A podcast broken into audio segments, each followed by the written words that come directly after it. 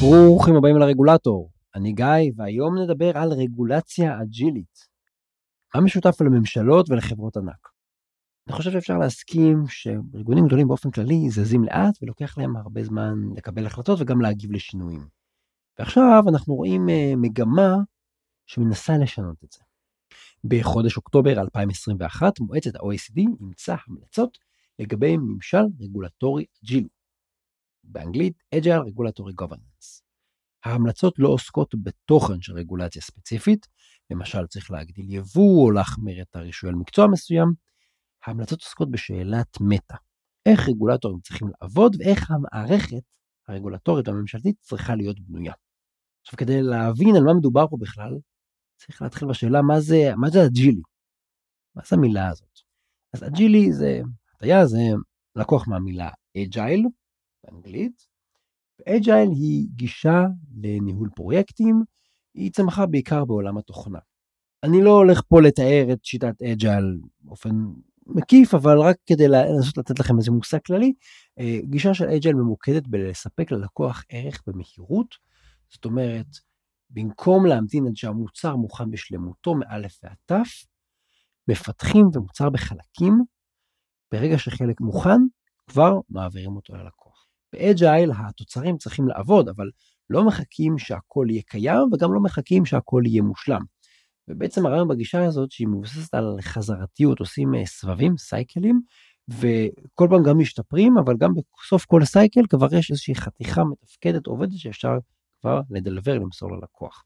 והרעיון הוא שמאחר שעובדים בסבבים, וכל פעם מסכמים את מה שנעשה, מתחילים מחדש עבודה על חלק נוסף, אז החזרתיות מאפשרת שיפור מתמיד ובצעדים קטנים.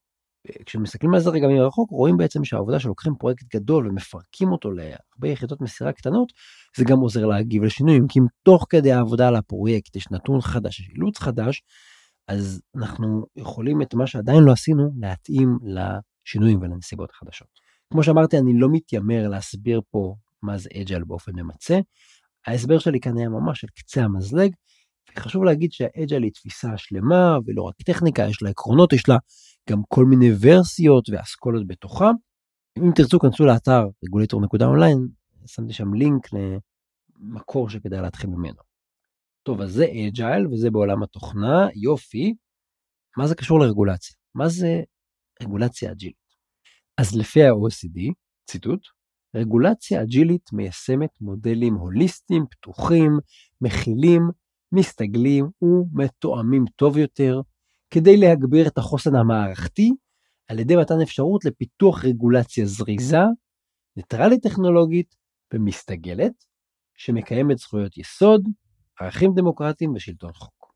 סוף ציטוט. נשמע טוב, נשמע כללי, אני אגיד לכם במה כדאי להתמקד בהגדרה הזו. אפשרות לפיתוח רגולציה זריזה. בסדר? מתוך כל הסיסמה הזאת והמילים החגיגיות, אני חושב שליבת האירוע זה אפשרות לפיתוח רגולציה זריזה. איך אנחנו עובדים מהר, ואגב כך יכולים להגיב יותר טוב לשינויים, גם שינויים שאנחנו צריכים בשבילם את הרגולציה, אבל גם שינויים שקורים תוך כדי תנועה ואני צריך לשנות את תהליך העבודה שלי אחרי שהוא התחיל. יתר האמירות פה, מודלים פתוחים, מכילים, מסתגלים, אה, לקיים זכויות יסוד, הרעיונות האלה לא חדשים, כן? הם כלליים וותיקים, ולמרות שהרעיונות האלה לא נולדו היום, יש ערך בהחלטה הזאת. בשביל להבין מה הערך, צריך להכיר איך הממשלות עובדות היום ומה יש לאג'יילציה. אז כמו שאמרתי ממש בהתחלה, ממשלות עובדות לאט. זה קצת כמו חברות ענקיות. אה, ממשלות הן ארגונים ענקיים, וגם התוצרים שלהם מורכבים, הם גדולים, ולוקח הרבה מאוד זמן גם להיערך וגם לבצע וגם להשלים את התהליך. למשל, תחשבו שגיליתי איזה חוסר דיוק או סתירה או שגיאה בחוק. אני נגיד יושב בממשלה, באיזה משרד, אני לא יכול פשוט ללכת ולתקן את החוק. נכון? קודם כל זה לא שלי לתקן, זה חוק של הכנסת. לקדם תזכיר של תיקון של החוק, צריך להעביר אותו לכנסת, בכנסת צריכים לקבוע דיון, יש הצבעות במליאה, זה 120 חברי כנסת, יש דיונים בוועדה, והרבה דיונים עד שמגיעים להצבעה, ויש כמה סבבים, כראשונה, שנייה, שלישית, באמצע דיונים בוועדה, אבל כרגע דיברתי על תהליך החקיקה, שהוא יכול לקחת חודשים אם לא שנים, אבל לפני תהליך החקיקה, יש עבודת מטה מסודרת שצריך לעשות, צריך להגיע להסכמות בתוך הממשלה עם שחקנים אחרים, צריך לראות שאין התנגדות. מה שאני מנסה לומר זה, שגם אם לא עשיתי עבודת מטה מסודרת ומעמיקה, גם אם אני במהלך של, נקרא לזה, שליפה, להציע תיקונים בלי עבודה מסודרת ומוקדמת, שזה מאוד מומלץ, גם אז תיקון של החוק ידרוש הרבה עבודה ותהליך ארוך, ואני צריך להחזיק את התהליך הזה בחיים, שלא ייפול, שלא נאבד מתח, שמי שצריך לטפל בזה באמת יטפל ויקדם את זה. בגלל הגודל של ממשלות וארגונים ציבוריים, פרלמנטים, גם הדבר הכי קטן שאתם יכולים לדמיין, ייקח הרבה זמן להעביר אותו. אנחנו מתחילים להבין את האתגרים בתוך ממשלות, אז מה בעצם ה-OECD ממליץ לרגולטורים לעשות, מעבר לכותרת הזאת שהקראתי לכם? בעצם agile עשה מהפכה בעולם התוכנה. כי במקום פיתוח שנקרא waterfall, שבעצם אומרים בואו קודם כל נשב ונאפיין את כל הצרכים, ואחר כך נעשה תכנון של כל הפרויקט. זה לוקח שנים וזה לוקח שנים. אחרי שסיימתי את כל זה נתחיל לפתח את הפרויקט, תוכנה מקצה לקצה. כל הפיצ'רים אחד אחרי השני את כל התוכנות. נסיים לפתח, נבדוק את כל התוכנה. נסיים לבדוק, נתחיל להטמיע את כולה. יכול להיות שבסוף התהליך של שנים אני מגלה שהתוכנה לא מתאימה. או שיש בה חלקים מרכזיים שלא עובדים, ואני מגלה את זה רק בסוף, וחבל על הזמן וחבל על כאב הלב וחבל על הכסף. אז אג'ל עשה מהפכה במובן הזה שהוא אמר, ברגע שיש לנו משהו מוכן, חתיכה מוכנה, גם אם היא לא מושלמת, אני מעביר את זה ללקוח, נראה מה הוא אומר, ובעצם אני יכול כל הזמן לשנות כי אני מנווט באינטרוולים קצרים. את אותו רעיון ה-OECD קורא לממשלות לאמץ. הוא קורא לממשלות לאמץ גישה יותר זריזה. הוא אומר בעצם, קודם כל זה לא שכל אחד עובד בנפרד במקטע שלו, אלא ההפך. תגייסו את כל השחקנים הרלוונטיים, תעבדו ביחד. ככה אתם חוסכים זמן יקר, כי אתם לא ממתינים לתגובות, וגם אתם מקבלים את האינפוט בהתחלה, כך שאם צריך לעשות שינוי אתם עושים אותו בהתחלה ולא עובדים עובדים עובדים, ואז בסוף התהליך אתם מבינים שצריך לשנות אחרי שכבר השקעתם הרבה. מעבר לזה, הוא ממליץ שברגע שפותרים בעיה, גם אם בעיה קטנה, גם אם רק חלק מהבעיה הגדולה, לפרסם את ההחלטה. לא להמתין עד שתושלם כל העבודה על החוק על התקנות, על אותה תוכנית. וברמת התוכן, ה-OECD ממליץ לרגולטורים לעצב רגולציה שלא נצטרך לתקן לעיתים קרובות, או כזו שיהיה לנו קל יותר לתקן. למשל, הוא מדבר על רגולציה שהיא ניטרלית טכנולוגית. הרעיון ברגולציה שהיא ניטרלית טכנולוגית, תחשבו על רגולציה שאומרת, כל בנק חייב להשתמש באימיילים של חברת מייקרוסופט. זה לא ניטרלי טכנולוגי. כל רכב חייב להיות עם הנעה של אה, בנזין או של דיזל, זה לא ניטרלי טכנולוגית. עכשיו, הרעיון בניטרליות טכנולוגית הוא גדול בהרבה מ agile, כן? כי הוא נותן תחרות ומאפשר חדשנות, אבל בהקשר הזה, ברגע שהרגולציה היא לא נוטה לכיוון כזה או אחר, אלא היא ניטרלית, היא לא נותנת עדיפות לטכנולוגיה ספציפית או לתהליך ספציפי, אז בעצם בשינוי נסיבות, הרגולציה עדיין יכולה להיות רלוונטית. אז תחשבו שקבעתי רגולציה שכולם חייבים להשתמש במנוע דיזל, ומאיזושהי סיבה מחר בבוקר אין דיזל, אז יש לנו בעיה. אבל אם קבעתי שאפשר להשתמש בכל סוג של מנוע, אז אני לא צריך לתקן את הרגולציה ולעיתים כל כך קרובות. ועוד דבר אחרון שה-OECD מדבר עליו, זה לעשות יותר שימוש בארגזי חול רגולטוריים, מה שנקרא regulatory sandbox.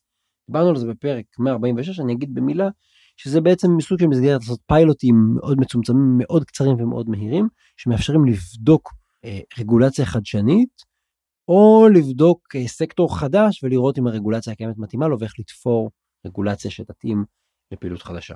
מעניין אתכם? תאזינו לפרק 146 על סנדבוקסים. חוץ מזה מעניין להגיד שה-OECD שם דגש על הצורך להגיב מהר. כולם היום משתמשים במשבר הקורונה כדוגמה לזה שאי אפשר להמתין להליך חקיקה של כמה שנים כשהמציאות דופקת בדלת. אבל זה דווקא המקרה החריג, כן? אין לנו קורונה כל שנה. ביום יום יש אלפי מצבים שבהם מתעוררות פשוט בעיות חדשות. יש איזושהי פעילות עסקית שצריכה התאמה של הרגולציה או טכנולוגיה חדשנית שאו מאתגרת את הרגולציה או מייצרת סיכון חדש או מייצרת הזדמנות ואז צריך להגיב מהר. זה ממש לא קורה רק כשמתפרצת מגפה או שנוחתת פצצה באיזשהו מקום. ואפילו אגב ה-OECD אומר במפורש במסמך שלו, לא צריך מגפה של פעם במאה שנה כדי להבין שרגולטורים צריכים להגיב יותר מהר, וגם להיות מסוגלים לתקן את הרגולציה, לעשות את תהליכי החקיקה באופן יותר מהיר. ולדעתו agile כגישה גם אצל הרגולטורים וגם אצל השותפים שלהם כמו היועצים המשפטיים, לדעת ה-OECD זה יכול להיות המפתח לשינוי הזה. עוד נקודה שה-OECD מזכיר, זה סוגיה של החזרתיות, איטרטיביות. בעבודה ב agile אנחנו עובדים בסבבים קצרים, זה נקרא ספרינטים. אנחנו מחליטים נגיד שאנחנו עושים עכשיו סבב של שבועיים או שלושה, ובסוף כל סבב אנחנו משיקים תוצר, אנחנו מגדירים לעצמנו, בשבועיים הקרובים אנחנו הולכים לייצר את התוצר הזה. אז לפעמים זה יהיה מסך הבית, או איזושהי אה, יכולת טכנולוגית בתוכנה. בעולם של רגולציה אולי אני רוצה לסדר את התקנות שמתעסקות בתהליך הרישוי, או לפתור את בעיית האכיפה וההרתעה. ועכשיו אנחנו עושים את זה במשך שבועיים שלושה, ובעוד שבועיים שלושה אנחנו יוצאים עם התוצר, שיכול להיות קטן או לא כל החוק, אבל את הדבר הזה עשינו, אפשר להראות תוצר החוצה. עכשיו מעבר לזה שבסוף הסבב אני מפיק איזשהו תוצר, גם אם הוא חלקי, בסוף הסבב אני גם מפיק תובנות, ודברים שיכולים לעזור להשתפר לקראת הסבב הבא. אגב תקופה שנקרא רטרו באג'ילית. ה-OECD קורא לרגולטורים להשתמש בכלים הקיימים כדי להתחיל לעשות את זה. אני מהראש שלי יכול לחשוב על שניים כאלה. למשל שיטת רגולציה חכמה, שיטה שאומרת איך לייצר רגולציה, אז המתודולוגיה הזאת היא ממש יכולה להתאים לזה, והדבר השני זה שיתוף ציבור. אני אסביר. בדרך כלל משתמשים בכלים האלה כדי לתכנן מראש רגולציה, ואיך לעשות את התהליך עצמו יותר טוב. אבל לדעתי מה שה-OECD רומז בעדינות שמאפיינת את האירופאים המנומסים, זה שצריך להתחיל להשתמש בכלים האלה גם כדי לבחון רגולציות בדיעבד וגם כדי לתחקר את עצם תהליך גיבוש הרגולציה. זאת אומרת, לא רק לשאול את הציבור, את המומחים או משרדים אחרים, האם לגופו של עניין בסוגיה המקצועית האם צודק או מדויק, אלא לדבר גם על עצם התהליך, והאם הייתי יעיל בעבודה שלי, והאם אפשר היה לקצר אותו. זאת אומרת, להשתמש במתודולוגיות כמפת דרכים, אבל גם לתחקר את עצמנו ולנסות להשתפר. ולשאול האם עבדנו נכון, האם כימות העלויות היה מספיק מדויק, האם עשינו תהליך ארוך מדי, האם אפשר לשבור אותו לחלקים. מה שתיארתי כאן, החזון הזה של רגולציה אג'ילית ואיך הוא פוגש את המגזר הציבורי, הוא מצד אחד לא מפתיע, ומצד שני הוא חדשני והוא קצת uh, מזעזע הממשלות. העבודה ב-OECD היא תמיד רצף של תוצרים, מתחיל איזה מסמך עבודה, ואז יש טיוטה, ואז יש המלצה, וזה עד שזה מגיע למסמך שהוא בקנה מידה כזה. אז יש פה גם חודשים של עבודה, אבל בדרך כלל יש עוד איזה שנה, שנתיים של התבשלות, ושזה עולה בהיררכיה של סוגי המסמכים. חוץ מזה, מסמך כזה לא נוצר סתם, הוא בדרך כלל תוצר של איזושהי מציאות שקורית בשטח. זאת אומרת, ה-OECD כמעט ולא ממציא משהו מאפס, אלא הוא רואה איזושהי מגמה שכבר מתחילה לצבור תאוצה, ואז הוא מפרמל אותה ונותן כיוונים קדימה. למשל בסוף שנת 2020, שבע מדינות חתמו על הסכם שיתוף פעולה בשם Agile Nations. המטרה של ההסכם הזה זה לשלב זרועות בין אותן מדינות במאמץ לקדם רגולציה אג'ילית ויותר גמישה. זאת אומרת, יש פה מדינות שכבר רצות כמעט uh, שלוש שנים עם הרעיון הזה, וב-2020 הם כבר חתמו ממש על הסכם בינלאומי מחייב. זה לא דבר שאתה עושה ביום אחד, גם ההסכם הזה הוא פיק של איזשהו תהליך. אני יכול לשתף שגם אני מתעסק ברעיון הזה. יצא לי להתנסות בגיבוש רגולציה בתהליך אג'ילי. אתם יכולים לראות באתר האינטרנט רגולטור אונליין, אה, תחת אה, עמוד של הפרק הזה, אה, מסמך עבודה שאני לא סיימתי אותו עדיין, שבעצם אני מנסה לפרק את השיטה של אג'ייל ולהתאים אותה לתהליכי עבודה בממשלה של קביעת מדיניות ושל קביעת רגולציה. המסמך הזה הוא כרגע בעבודה, אתם יכולים לראות את הטיוטה ואם אתם רוצים לחבור אליי אז צרו איתי קשר. אני חושב שאין מנוס מלמצוא דרכים לעבוד בצורה יותר מהירה, כי התהליכים הממשלתיים הקלאסיים בכל העולם הם מאוד מאוד איטיים, וזו הסיבה שמדינות מחפשות את הדרך להתייעל ולשפר את כללי המשחק. למרות שהרעיון הזה מתבשל כבר הרבה תקופה, אני לא הצלחתי למצוא דוגמאות ליישום בפועל או סיפורי הצלחה יותר מדי גדולים. זאת אומרת, כנראה שזה עדיין לא לגמרי בשל. אני יכול להגיד שבניסיון שלי, החלטה כזאת של ה-OECD היא בדרך כלל יריית פתיחה לתהליכי העבודה הרבה יותר פרקטיים ולהטמעה ולסדנאות למדינות, אז כנראה שאנחנו נראה בשנים הקרובות איך ה-OECD דוחף ומטפח את הרעיון הזה של רגולציה אג'ילית ושל חקיקה יותר גמישה ויותר זריזה. ואפשר רק להניח שאם המונח רגולציה אג'ילית הוא יהפוך לבאזוורד כמו שקרה למשל סנדבוקסים, אז כולם ישמעו על זה, ורק תנסו לזכור איפה זה התחיל ומתי זה התחיל. בהצהרה רשמית וגדולה של ה-OECD, אבל הצהרה עמומה וכללית, כשאין הישגים וניצחונות עדיין להראות, אבל שלכולם ברור שמשהו חייב להשתנות. זהו עד כאן, תודה רבה שהאזנתם לפרק הזה של הרגולטור, אני גיא מור, אני עורך, כותב ומפיק את הפודקאסט הזה. אתם מוזמנים להיכנס לאתר האינטרנט רגולטור אונליין, יש שם את הפרקים ולינקים למקורות ועוד פוסטים, במקרה הזה גם למסמך העבודה שלי, שאולי יום אחד אני אסיים אותו.